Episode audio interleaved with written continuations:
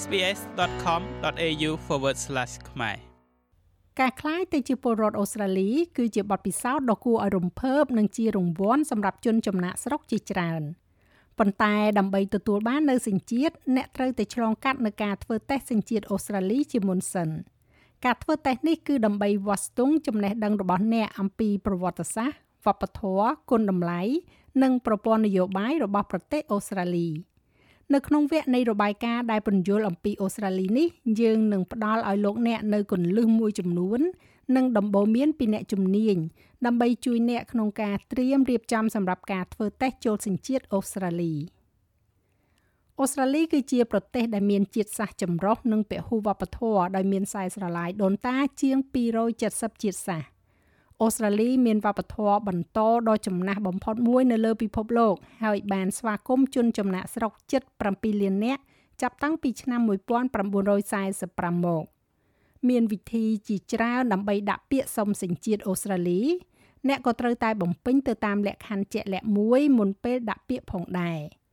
មេធាវីអន្តោប្រវេសន៍អ្នកនាងអ៊ីវ៉ាអាប់ដែលម៉ាស្ចាបានជួយដល់មនុស្សរាប់រយនាក់ឲ្យទទួលបាននៅសញ្ជាតិអូស្ត្រាលី។ អ្នកនាងនិយាយថាលក្ខណៈវិនិច្ឆ័យសំខាន់បំផុតគឺត្រូវបំពេញតាមតម្រូវការលំនៅឋាន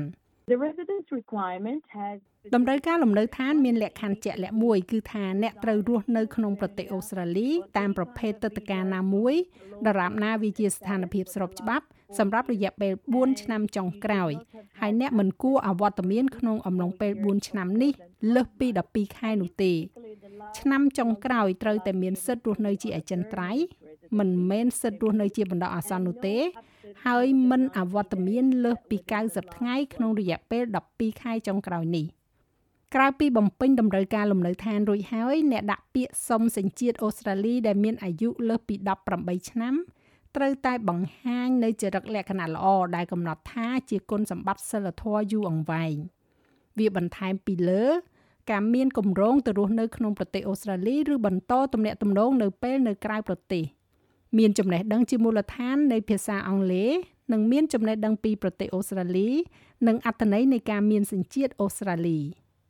ដើម្បីវាតម្លៃចំណេះដឹងនេះ បេក្ខជនភាគច្រើននឹងត្រូវអង្គុយធ្វើតេស្តចូលសញ្ជាតិឬយើងហៅថា citizenship test if they are an adult from the age of ប្រសិនបើពួកគេជាមនុស្សពេញវ័យចាប់ពីអាយុ18ឆ្នាំដល់59ឆ្នាំ ពួកគេត្រូវតែបង្ហាញថា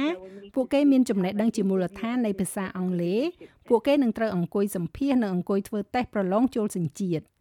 ប្រសិនបើអ្នកមានសិទ្ធិคล้ายជាពលរដ្ឋអូស្ត្រាលីហើយកំពុងតែត្រៀមរៀបចំសម្រាប់ការធ្វើតេស្តចូលសញ្ជាតិនោះអ្នកត្រូវតែធ្វើកិច្ចការផ្ទះរបស់អ្នកអ្នកនាងអ៊ីវ៉ាពុនយុល The Australian citizenship test is about ការធ្វើតេស្តចូលសញ្ជាតិអូស្ត្រាលីគឺស្ដីអំពីការត្រួតពិនិត្យទៅលើការយល់ដឹងអំពីអត្ថន័យនៃការคลายទៅជាពលរដ្ឋអូស្ត្រាលីជាងដឹងពីប្រទេសអូស្ត្រាលីនិងប្រជាជនរបស់ខ្លួននិមិត្តសញ្ញានៃប្រទេសអូស្ត្រាលីជំនឿប្រជាធិបតេយ្យសិទ្ធិនិងសេរីភាព របៀបដែលរដ្ឋាភិបាលត្រូវបានបង្កើតឡើង គឺជាច្បាប់ដែលធ្វើឡើងនៅក្នុងប្រទេសអូស្ត្រាលី ការយល់ដឹងនិងបង្ហាញពីការបដិញ្ញាចិត្តចំពោះគុណតម្លៃអូស្ត្រាលី ដែលភាគច្រើនផ្អែកទៅលើសេរីភាព ការគោរពនិងសមភាព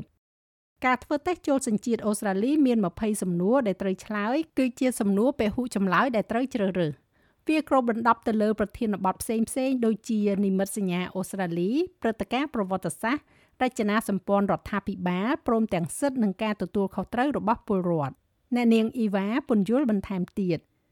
5 of these 20 multiple choice questions សំណួរពហុចម្លើយដែលត្រូវជ្រើសរើសចំនួន5សំណួរក្នុងចំណោម20សំណួរនេះគឺផ្អែកទៅលើគុណតម្លៃរបស់អូស្ត្រាលីហើយអ្នកមិនអាចឆ្លើយខុសសំណួរណាមួយក្នុងចំណោមសំណួរនោះទេ ដូច្នេះពិន្ទុសម្រាប់ការធ្វើតេស្តគឺ75%ដែលមានន័យថា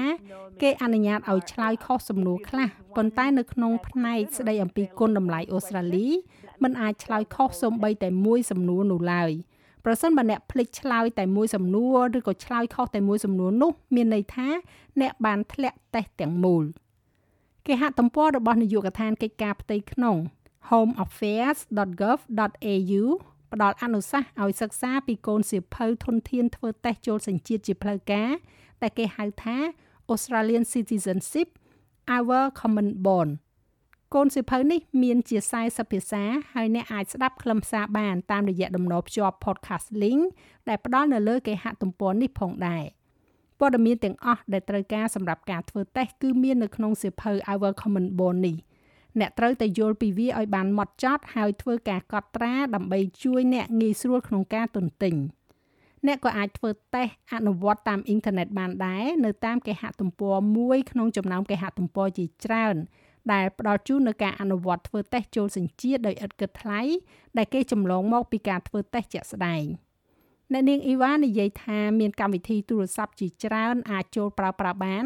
និងងាយស្រួលរករក ជាងការចូលប្រើដំណភ្ជាប់គេហទំព័រពីកុំព្យូទ័រទៅទៀត These phone apps I find them very helpful កម្មវិធី app លើទូរស័ព្ទទាំងនេះខ្ញុំយល់ថាវាមានប្រយោជន៍ខ្លាំងណាស់ខ្ញុំតែងតែលើកទឹកចិត្តអតិថិជនរបស់ខ្ញុំឲ្យ download វាមកហើយធ្វើវាជារៀងរាល់យប់ដោយចំណាយពេលកន្លះម៉ោងឬ1ម៉ោងហើយវាក៏មានជាវីដេអូផងដែរដូចជានៅលើ YouTube ជាដើមអ្នកនាងអ៊ីវ៉ាបន្ថែមថាការស្វែងយល់អំពីមេធាងទាំង3របស់រដ្ឋាភិបាល ប្រព័ន្ធសភាសហព័ន្ធនិងទួនាទីរបស់អគ្គទេសាភិបាលក៏មានសារៈសំខាន់ផងដែរការធ្វើតេស្តសញ្ជាតិនិងសួរអ្នកអំពីព្រឹត្តិការណ៍សំខាន់សំខាន់របស់អូស្ត្រាលី ហើយជារឿយៗវារួមបញ្ចូលការរួមចំណែករបស់ជនជាតិដើមភាគតិច និងជនជាតិពហុវប្បធម៌អូស្ត្រាលីការធ្វើតេស្តនេះអាចប្រើបានតែជាភាសាអង់គ្លេសតែប៉ុណ្ណោះដូច្នេះអ្នកត្រូវយល់ភាសាឲ្យបានច្បាស់ អ្នកអាចអនុវត្តការអាននិងស្គាល់ជាមួយនឹងវគ្គស័ព្ទសំខាន់សំខាន់ដើម្បីជួយឲ្យអ្នកយល់ពីសំណួរ when clients come to me I straight away encourage ពេលអតិថិជនមករកខ្ញុំភ្លាមខ្ញុំលើកទឹកចិត្តឲ្យពួកគេចាប់ផ្ដើមរៀបចំវា ហើយផ្នែកមួយនៃការរៀបចំនោះគឺស្ដាប់ព័ត៌មានជាភាសាអង់គ្លេសនិងអានកាសែតជាភាសាអង់គ្លេស ធ្វើតេស្តការអនុវត្តយ៉ាងហោចណាស់ម្ដងក្នុងមួយសប្ដាហ៍ពីព្រោះនៅពេលដែលយើងដាក់ពាក្យនៅថ្ងៃនេះពួកគេនឹងមិនទទួលបានការធ្វើតេស្តភ្លាមភ្លាមទេគឺវាមានគម្លាតពី6ទៅ9ខែអ្នកនាងអ៊ីវ៉ាក៏បានចែករំលែកនៅកំហុសឆ្គងឬបញ្ហាជាទូទៅមួយចំនួន ដែលបេក្ខជនគួរតែជៀសវាងនៅក្នុងពេលកំពុងអង្គុយធ្វើតេស្តចូលសញ្ជាតិនេះ អ្នកនាងណែនាំឲ្យបេក្ខជនអាននៅសំណួរដោយប្រុងប្រយ័ត្នរក្សាពេលវេលាកំណត់និងជៀសវាងប្រញាប់ចុចចម្លើយមុន។ we are given an option to do the test 3 times យើងត្រូវបានផ្ដល់ជំរើសឲ្យធ្វើតេស្ត3ដងប៉ុន្តែបន្ទាប់ពីលើកទី3វាមិនមានជំរើសទៀតទេ វានឹងត្រូវបានបដិសេធហើយបន្ទាប់មកយើងនឹងត្រូវធ្វើការដាក់ពាក្យសុំថ្មី ប្រសិនបើអ្នកត្រូវការជំនួយនៅក្នុងការរករោគឯកសារសិក្សានៅលើគេហទំព័ររបស់នាយកដ្ឋានកិច្ចការផ្ទៃក្នុងនិងជួយបង្កើនភាសាអង់គ្លេសរបស់អ្នកអ្នកអាចតាក់ទងទៅអង្គការសហគមន៍មូលដ្ឋានមួយនៅក្នុងចំណោមអង្គការសហគមន៍ក្នុងតំបន់ជាច្រើនសម្រាប់សុំជំនួយ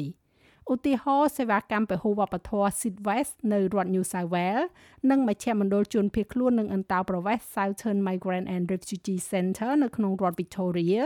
ផ្ដល់ជូននៅថ្នាក់ត្រៀមប្រឡងចូលសញ្ជាតិនិងធនធាន ដើម្បីជួយដល់ប្រជាពលរដ្ឋដែលប្រាថ្នាចង់ត្រៀមសម្រាប់ការធ្វើតេស្តនេះ។អង្គការទាំងនេះជារឿយៗមានគ្រូបង្រៀនដែលមានបទពិសោធន៍ដែលអាចផ្ដល់ការណែនាំនិងការគ្រប់គ្រងពេញមួយដំណើរការទាំងមូល អ្នកនាង Vicky Hin មកពី Sidwest ពន្យល់ពីរបៀបដែលវគ្គសិក្សារបស់ពួកគេ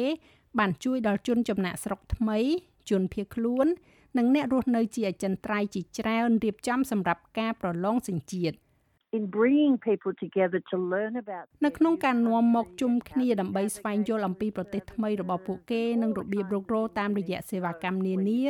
និងរឿងរ៉ាវគ្រប់ប្រភេទដែលអ្នកត្រូវដឹងនៅពេលដែលអ្នកកំពុងតាំងទីលំនៅនៅក្នុងប្រទេសថ្មី វាបានបង្ហាញឲ្យឃើញយ៉ាងឆាប់រហ័សថាមនុស្សត្រូវការការគ្រប់គ្រងនិងជំនួយជាមួយនឹងការត្រៀមរៀបចំសម្រាប់ការធ្វើតេស្តចូលសញ្ជាតិនិងស្វែងយល់ថាតើវាមានសារៈសំខាន់យ៉ាងណានៅក្នុងការមានសញ្ជាតិនៅទីនេះសម្រាប់សន្តិសុខដែលសញ្ជាតិអូស្ត្រាលីផ្ដល់ជូន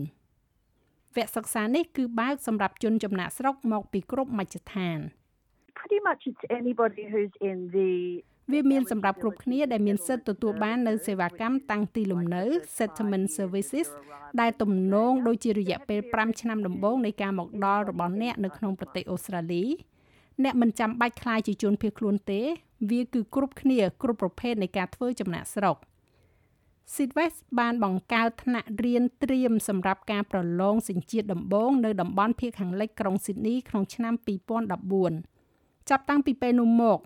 អ្នកនាង Hin និយាយថាអតិថិជនរាប់រយនាក់បានឆ្លងកាត់ការធ្វើតេស្តដោយជោគជ័យនិងទទួលបាននៅលិខិតបញ្ជាក់សញ្ជាតិ they go through each of the questions and they ពួកគេឆ្លងកាត់សំណួរនីមួយៗហើយពួកគេនិយាយអំពីវាពួកគេនឹងរៀនអំពីប្រវត្តិសាស្ត្រខ្លះៗយើងក៏ចេញទៅលេងនៅខាងក្រៅជាក្រុមជាក្រុមពន្យល់ទម្រង់ភូមិសាស្ត្រទឹកដី យើងអាចឡើងទៅខាត់ធំបានិងនៅពេលដំណើរគ្នានិយាយអំពីប្រវត្តិសាស្ត្រនៃប្រទេសអូស្ត្រាលីដែលត្រូវបានបើកបង្ហាញឡើងដោយក្រុមអ្នករុករកវាកំពុងបើកផ្លូវឲ្យអ្នកយល់អំពីសំណួរទាំងអស់ស្វែងយល់ឲ្យបានពេញលេញដូច្នេះអ្នកយល់ច្បាស់អំពីអត្ថន័យនៃការចូលរួមក្នុងនាមជាពលរដ្ឋអូស្ត្រាលី